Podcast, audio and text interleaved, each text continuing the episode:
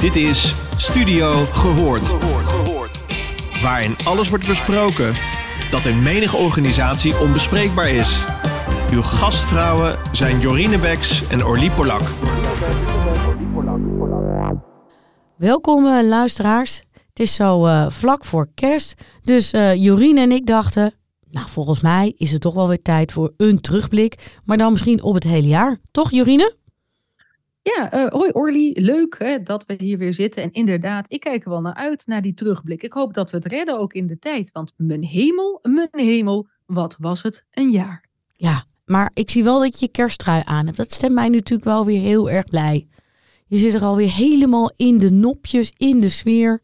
Ja, zo wordt het wel gezellig zo het einde van het jaar. Ja, en ik, misschien is het ook wel goed dat de luisteraars zich ook er bewust van zijn dat jij je kerstmuts hebt opgezet. En misschien kun je even je discolampjes ietsje minder fel laten zijn. Ja, precies. Ik wil je niet verblinden. Dus, maar wij hebben dingen geleerd. Alle gekheid op een stokje. En we hebben best wel leuke dingen geleerd. We hebben een heleboel mensen geïnterviewd. Ik denk dat we, ik weet niet eens hoeveel podcasts we hebben opgenomen, maar het zijn er absoluut meer dan 52. Want soms waren het er wel twee per week. We hebben heel veel interessante mensen geïnterviewd. Heel groot aantal van die mensen die zijn niet nog live gezet in de podcast, want die zijn onderdeel van het boek dat we aan het schrijven zijn. Ja, een boek zijn we aan het schrijven. En van verhalen uit de praktijk, van hoe uh, mensen omgaan met psychologische veiligheid. Waar lopen ze nou tegenaan? Uh, welke tips hebben ze ons mee kunnen geven? Wat zijn een beetje lessons learned? Nou, dat boek dat komt er uh, begin volgend jaar uit. We zijn inmiddels al in de redactiefase en de opmaakfase beland. Dus dat is best wel leuk. En wij dachten, zo het einde van het jaar, misschien kunnen wij een beetje soort terugblikken. Een tipje van de sluier voor het nieuwe boek. Een beetje laten doorschemeren wat de lessons learned zijn. Um, dus ik wilde eigenlijk vragen, Jorine, wat viel je nou het meeste op? Nadat je toch weer die interviews hebt teruggelezen, de podcast opnieuw hebt geluisterd. Wat zeg je nou, die hebben we vorig jaar gesproken of afgelopen jaar gesproken.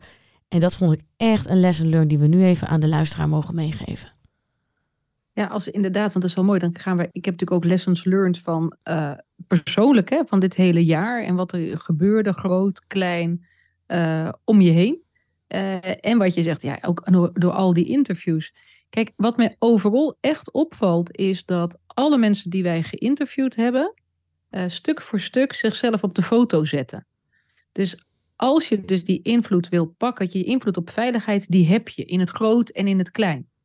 En, en dat vond ik wel echt een hele mooie. Dus wat wij ook wel zeggen, hè, je hebt invloed en al die mensen pakken hun invloed. En dan wel op een manier die past bij de persoon en bij de situatie. Dus het uiteindelijk ook heel erg authentiek.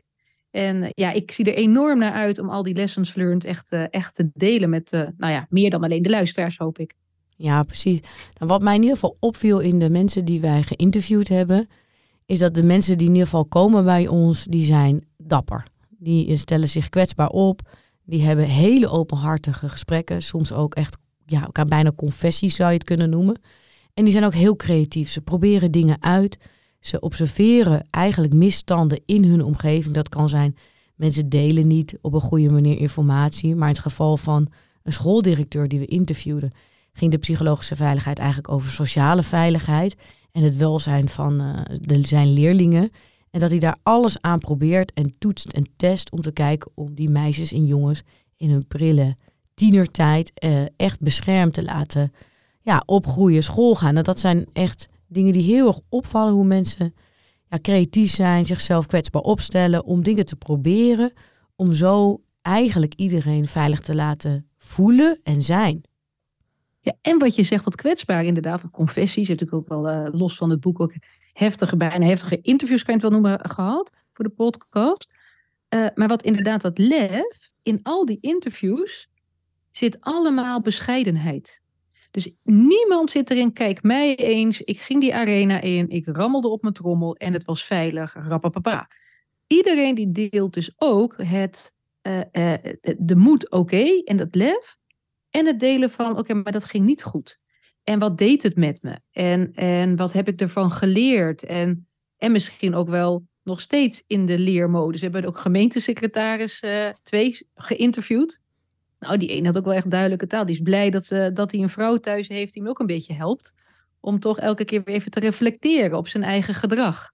Ja, ja en daarnaast uh, heb ik dit jaar denk ik 60 workshops gegeven, veiligheidscultuurmetingen. En dat gaat eigenlijk over uh, ja, de maakbaarheid van uh, je wereld uh, ja, om je heen. Dus hoe veilig krijg je het op kantoor? Hoe veilig krijg je het voor de mensen buiten? En dan een beetje eigenlijk de organisatiecultuur. En de afgelopen tijd heb ik echt duidelijk kunnen zien dat er een relatie bestaat met psychologische veiligheid. En je ziet dan teams die lukt het om hun werkplek veilig te krijgen, hun dossiers op orde te krijgen, om hun balans te krijgen in al die verschillende belangen. En die doen dat op een hele fijne manier. Dat geven ze ook terug in interviews en in een assessment. Van, wij werken heel goed samen. Ik heb het gevoel dat ik hier kan zeggen wat er gezegd moet worden. En dan is het soms best wel lastig om te zien wie er nou in macht of in rank is. Dus je zit dan in een hele grote groep. Dat groep kan variëren van uh, nou ja, 10 tot soms wel 60 man. En dan is het niet altijd duidelijk wie is nou eigenlijk de baas. En dan krijg je eigenlijk al wel een fijn gevoel. Dan denk je, oh, iedereen mag hier dus meedoen, meepraten. Het is niet haantje de voorste. En uh, ik kijk mij nou even hier op de apenrot zitten en ik pak even alle zendtijd. En dan gaan je dingen echt wel opvallen. Je, het valt op dat mensen aangeven dat ze het heel leuk vinden om naar het werk te gaan. Uh, dat ze het gevoel hebben dat ze hun doelen aan het halen zijn. Um, dingen, ook de moeilijke dingen lukken in één keer. Versus teams die eigenlijk helemaal niet zo prettig samenwerken. in het uh, minst erge geval zie je gewoon meteen direct wie de leidinggevende is. Hè. De apenrots is overduidelijk. Daar zitten een paar mensen op en uh, die hebben het alleen recht tot spreken. Nou, dat is uh, best wel fors, dus dat kan soms wel 85% van het woord zijn. En als dan iemand anders iets zegt, wordt die uh, geïnterpreteerd, uh, gecorrigeerd, verbeterd, terechtgewezen. en daarna volgt een hele grote stilte. Dus uiteindelijk denk je, ja, wie, aan wie ben ik nou de workshop aan het geven? Is dat aan die 25 man in dat groepje? Of zou ik gewoon zeggen tegen de rest van de 22, gaan jullie maar naar huis? Ga maar lekker koffie doen. En dan uh, behouden we de drie over die wel mogen praten, want dat is ook zonde van jullie tijd. Tot aan echt situaties waarin ja, je er als buitenstaander bij zit en mensen vlekken in hun nek krijgen, hun stem verheffen. Uh, ik heb zoals een sessie gezeten dat mensen aan het huilen zijn. En ik ben daardoor gaan geloven, niet alleen ik, maar want ik doe die workshops natuurlijk met mijn collega's hier, dat psychologische veiligheid is wel een graadmeter van hoe mensen samenwerken en of dat een beetje lukt. En als dat een beetje lukt, dan zie je dat dingen voor elkaar gekregen worden. Dat je je werk beter afkrijgt, dat je je doelen aan het halen bent en dat je ook in staat bent uh, een balans te vinden in belangen en dat je in staat bent om um, ja, complexe dilemma's het hoofd te bieden. En dat is echt wel de lessons learned uh, die mij heel erg boeit eigenlijk dit afgelopen nou, maandje dat ik aan het terugblikken ben. ja, wat mooi je zegt, een graadmeter. Het is ook het mooie, psychologische veiligheid is ook gewoon meetbaar. En dat heb ik afgelopen jaar ook meerdere keer gedaan. Zo'n de, de monitor van psychologische veiligheid. Inmiddels ook psychologische sociale veiligheid heet die. PSV, ik zag niet te hard roepen. Sorry, sorry, sorry. Als naam, what's in a name. Maar eh, even gekheid natuurlijk vanwege de voetballeritis. Maar in ieder geval wat daar ook uit is gekomen. Je kunt het dus meten, het klimaat in je team. Maar wat ik echt afgelopen jaar, als ik naar mijn eigen uh, lessons learned kijk, we weten nog wel hoe het jaar begon. Uiteindelijk echt knalde met boos. dat weet je denk ik ook nog wel. En uh, met de voice. En de toxische werkomgeving. Um, waarbij ik, ja, ik was ook best ondaan. Ik was ondaan over hoe kan het nou dat iemand dat niet doorheeft? Hoe kan het dat je denkt, er zijn toch loketten, maar niemand die komt er? Dat dat, dat, dat, dat, dat een signaal is. Hoe kun je nou zeggen dat die vrouwen het hadden moeten zeggen? Echt dat ongeloof, dat was het eerste stuk. Toen, wat er nog bij staat, is uh, het vervolg, volgens mij ook groot ding daarna, was Ajax. Nou, niet Ajax, maar Overmars. Um, en die leuke not-appjes uh, en berichtjes die die stuurde toen dacht ik ook, hoe kan het? Hoe kan het? Dat, dat heb je toch door. Je snapt toch dat je dat niet doet. Ja. En vervolgens wat het, wat het allemaal deed in de, uh, in de maatschappij. Uh, het blaming, shaming, et cetera. Uh, het eruit gooien van iemand die over de streep is gegaan. Dus um, wat voor mij echt de learning is geweest. Oké, er zijn toxische werkculturen. nou, meest nou, ik weet niet meest recent, maar ook wel een hele grote natuurlijk, het hele verhaal van de wereld draait door. Maar die ontstaan. En, en dat vind ik heel intrigerend, die ontstaan, dat is één. En als je een inzicht hebt in hoe die kunnen ontstaan, dan kun je ook opties hebben om dat te voorkomen. Eh, wat jij net ook aangaf over macht. Hoe is die macht eigenlijk verdeeld? Eh, hoe kijken we naar iemand? Hoe zit het met de zonnegoden?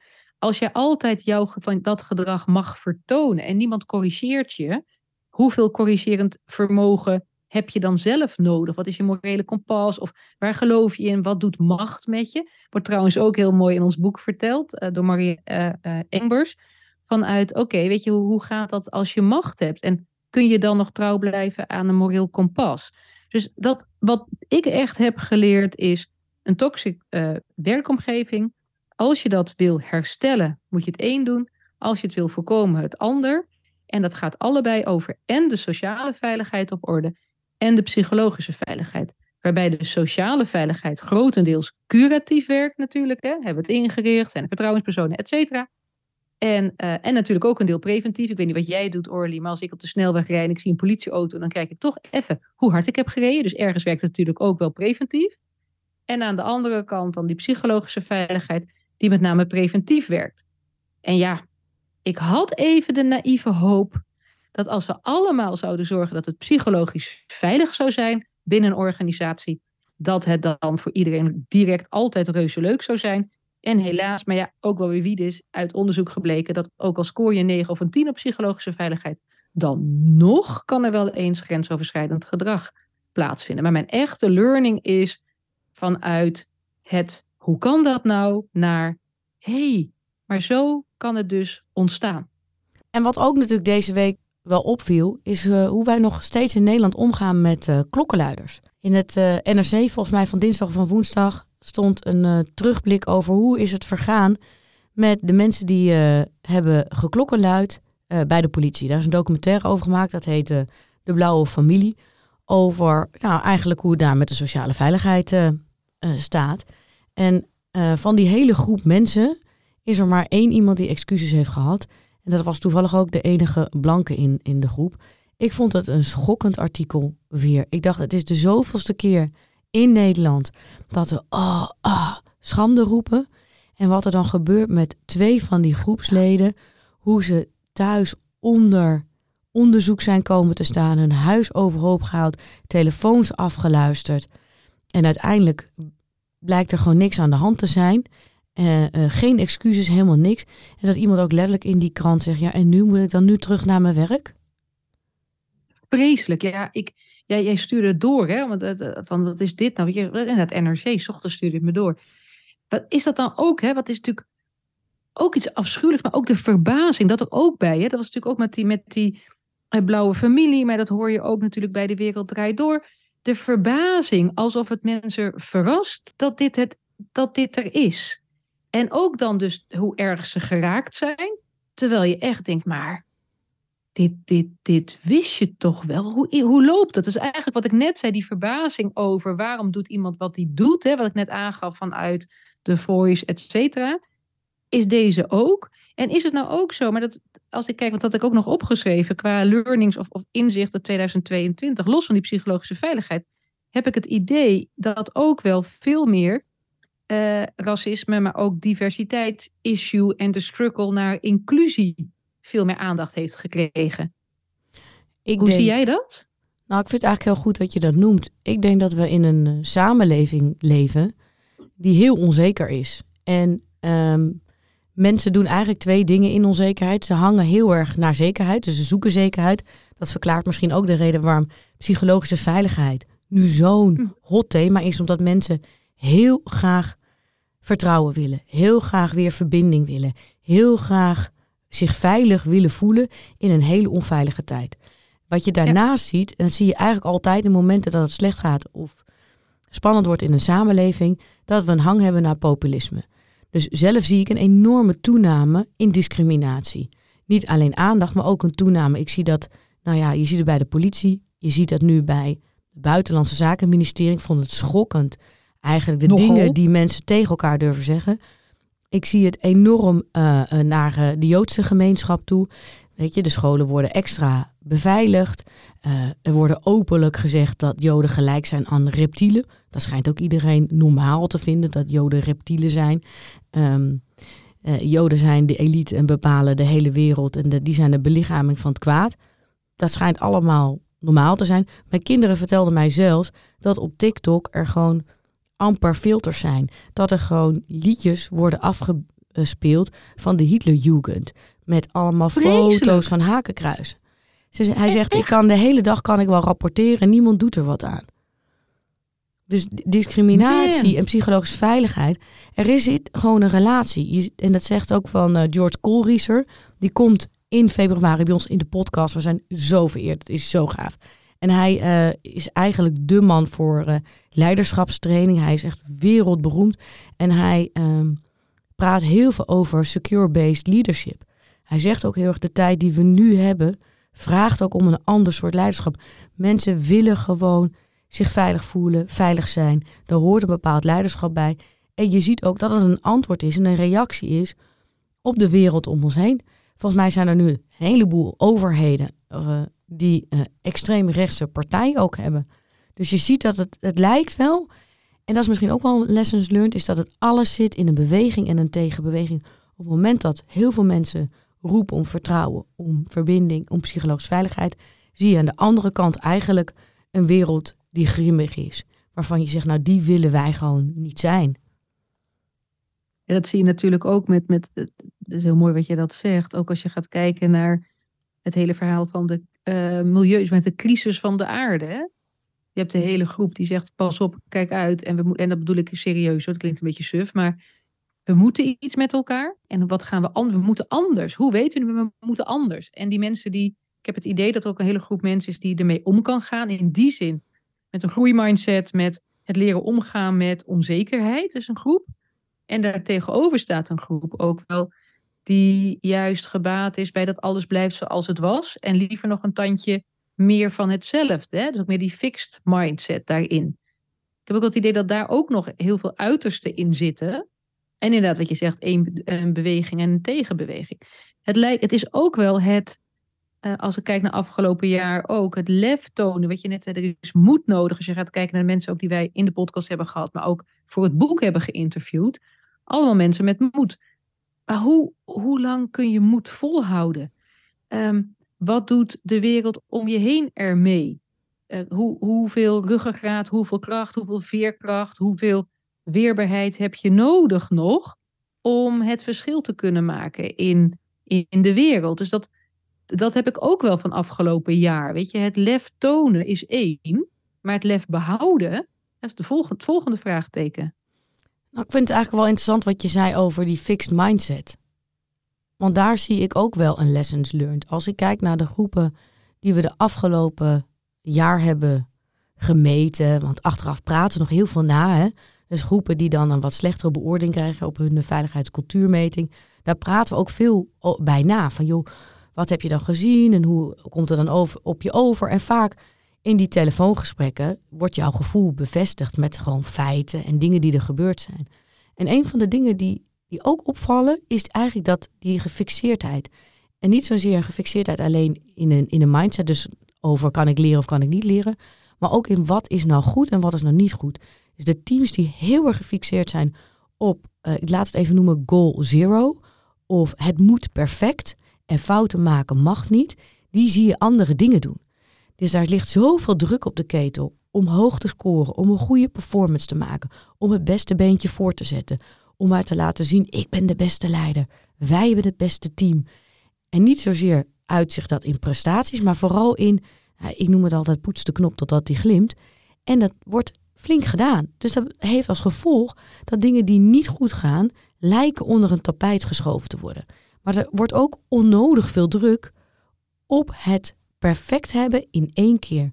Dus er mag geen misser in zitten, er mogen geen fouten zijn. Alles wat een fout is, dat is dikke paniek. Ja, dan denk ik, maar zo kom je niet vooruit. Als je nu al tegen elkaar zegt, joh, we gaan aan deze samenwerking beginnen, Jorine. Maar alles wat je doet in het opnemen van deze podcast, dan wil ik gewoon dat je gelijk perfect doet. Ik wil die hond niet horen, ik wil geen deurbel horen. Ik ga ook niet monteren. Het moet in één keer goed. Dan zit je toch Ja, en de haan. maar dan zit je toch ook niet meer lekker in een podcast. Als je al elkaar vanaf het begin van de samenwerking helemaal gek maakt met allerlei verwachtingen. En we mochten dan iets misgaan, dan ontstaat er niet van, hé, hey, er is iets mis, laten we kijken of het iets kan leren of nog relaxter. Zullen we het gewoon opnieuw doen? Ja. Vallen en opstaan, weet je, iedereen lijkt het te zijn vergeten, gewoon vallen en opstaan. Ja, en dat je dan denkt, het mag niet, het moet nu. En wat dat dan doet met mensen, mensen durven op een gegeven moment ook niet meer, die worden angstig daarvan. Leiders die denken, oh, iedereen beoordeelt me nu, die denken dat ik een slechte leider ben. Dat is natuurlijk ook raar. Ja, het is wel grappig, want Jacqueline van Onsenoord, die hebben natuurlijk ook geïnterviewd voor, uh, voor het boek.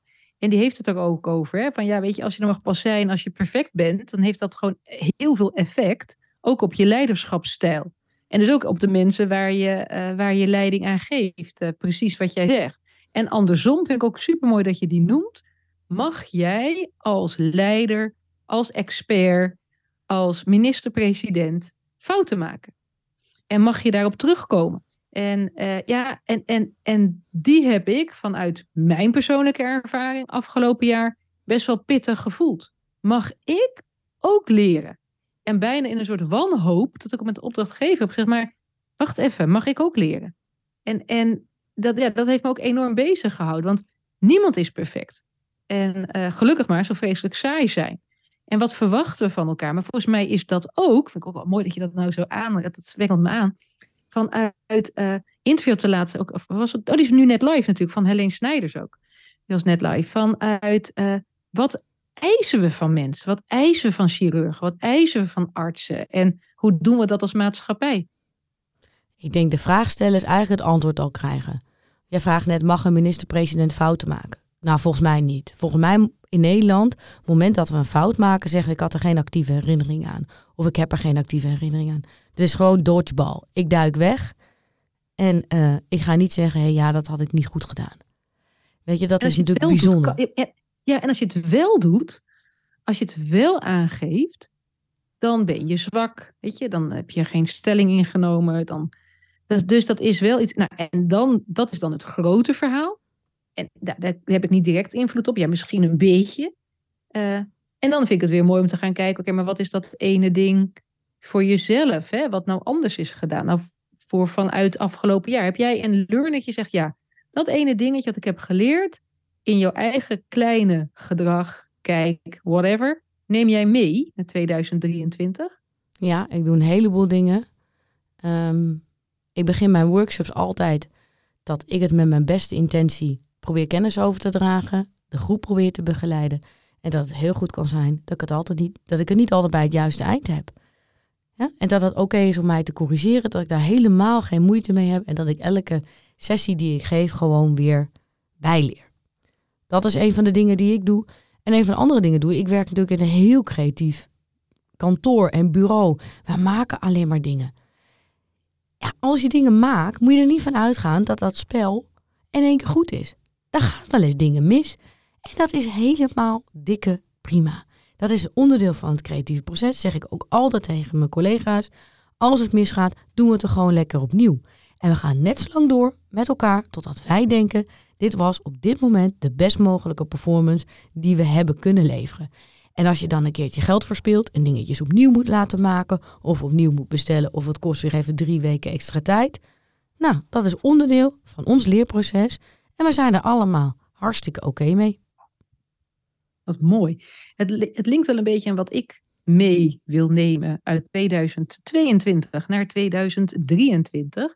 En dat is eigenlijk het bij mezelf houden. Mag ik van mezelf leren? Mag ik van mezelf ontwikkelen? Mag ik van mezelf fouten maken? Uh, ik heb allemaal dingen voor de eerste keer gedaan dit jaar. En al die keer dingen die ik voor de eerste keer heb gedaan, heb ik zeker niet allemaal in één keer goed gedaan.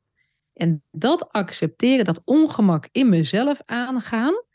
En dan met een beetje zelfliefde, een kopje rooibos honingthee, een lekker stukje chocola of een glaasje wijn.